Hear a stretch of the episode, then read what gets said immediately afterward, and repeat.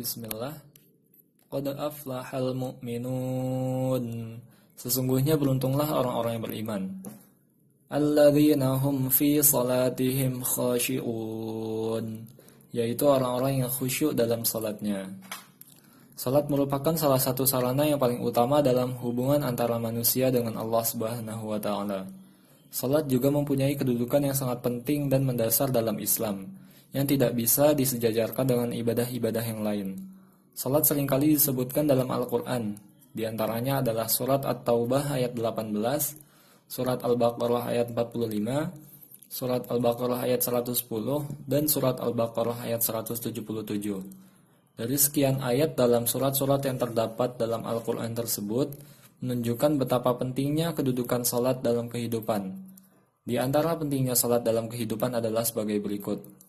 Yang pertama, salat adalah tolak ukur amal, yang berarti bahwa kualitas amal seseorang ditentukan oleh salatnya. Hal ini seperti disebutkan dalam hadis Rasulullah yang diriwayatkan oleh Abu Daud dan Tirmidzi.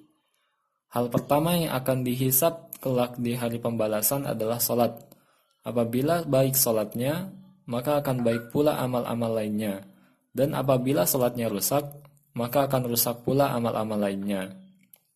Yang kedua, salat adalah tiang agama.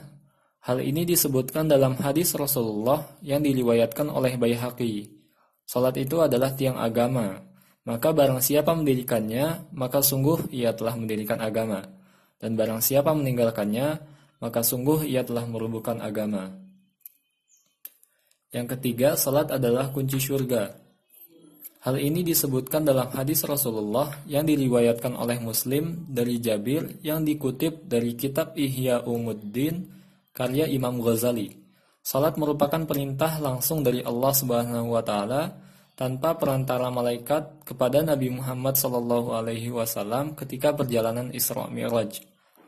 Kemudian yang keempat, salat menjadi benteng yang menjaga diri kita dari perbuatan keji dan maksiat. Hal ini disebutkan dalam surat Al-Ankabut ayat 45. Bacalah apa yang telah diwahyukan kepadamu, yaitu Alkitab atau Al-Quran, dan dirikanlah salat. Sesungguhnya salat itu mencegah dari perbuatan-perbuatan keji dan mungkar. Dan sesungguhnya mengingat Allah adalah lebih besar keutamaannya dari ibadah-ibadah yang lain dan Allah mengetahui apa yang kamu kerjakan. Kemudian yang kelima, salat sebagai pengingat kita kepada Allah Subhanahu wa taala. Seperti yang dituliskan dalam surat Taha ayat 14, sesungguhnya aku ini adalah Allah, tidak ada Tuhan selain aku, maka sembahlah aku dan dirikanlah salat untuk mengingat aku. Bahkan Rasulullah dalam sebuah hadisnya menegaskan kembali bahwa salat merupakan pembeda atau pembatas yang tegas antara seorang muslim dengan orang kafir. Perjanjian antara kami dengan mereka atau orang kafir adalah mengenai salat. Hadis riwayat Ahmad, Abu Daud, At-Tirmidzi, An-Nasai, dan Ibnu Majah. Senada dengan hadis tersebut, Umar bin Khattab juga menyatakan, tidak ada Islam bagi seseorang yang tidak menegakkan salat. Dari ulasan di atas, sudah seharusnya sebagai seorang muslim kita harus menaruh perhatian yang sangat besar dalam menjalankan sholat. Dengan sebaik-baiknya, dengan penuh tanggung jawab, dan bukan sekadar rutinitas atau penggugur kewajiban. Dengan demikian, kita akan menjadi orang-orang yang akan mewarisi surga firdausnya Allah dan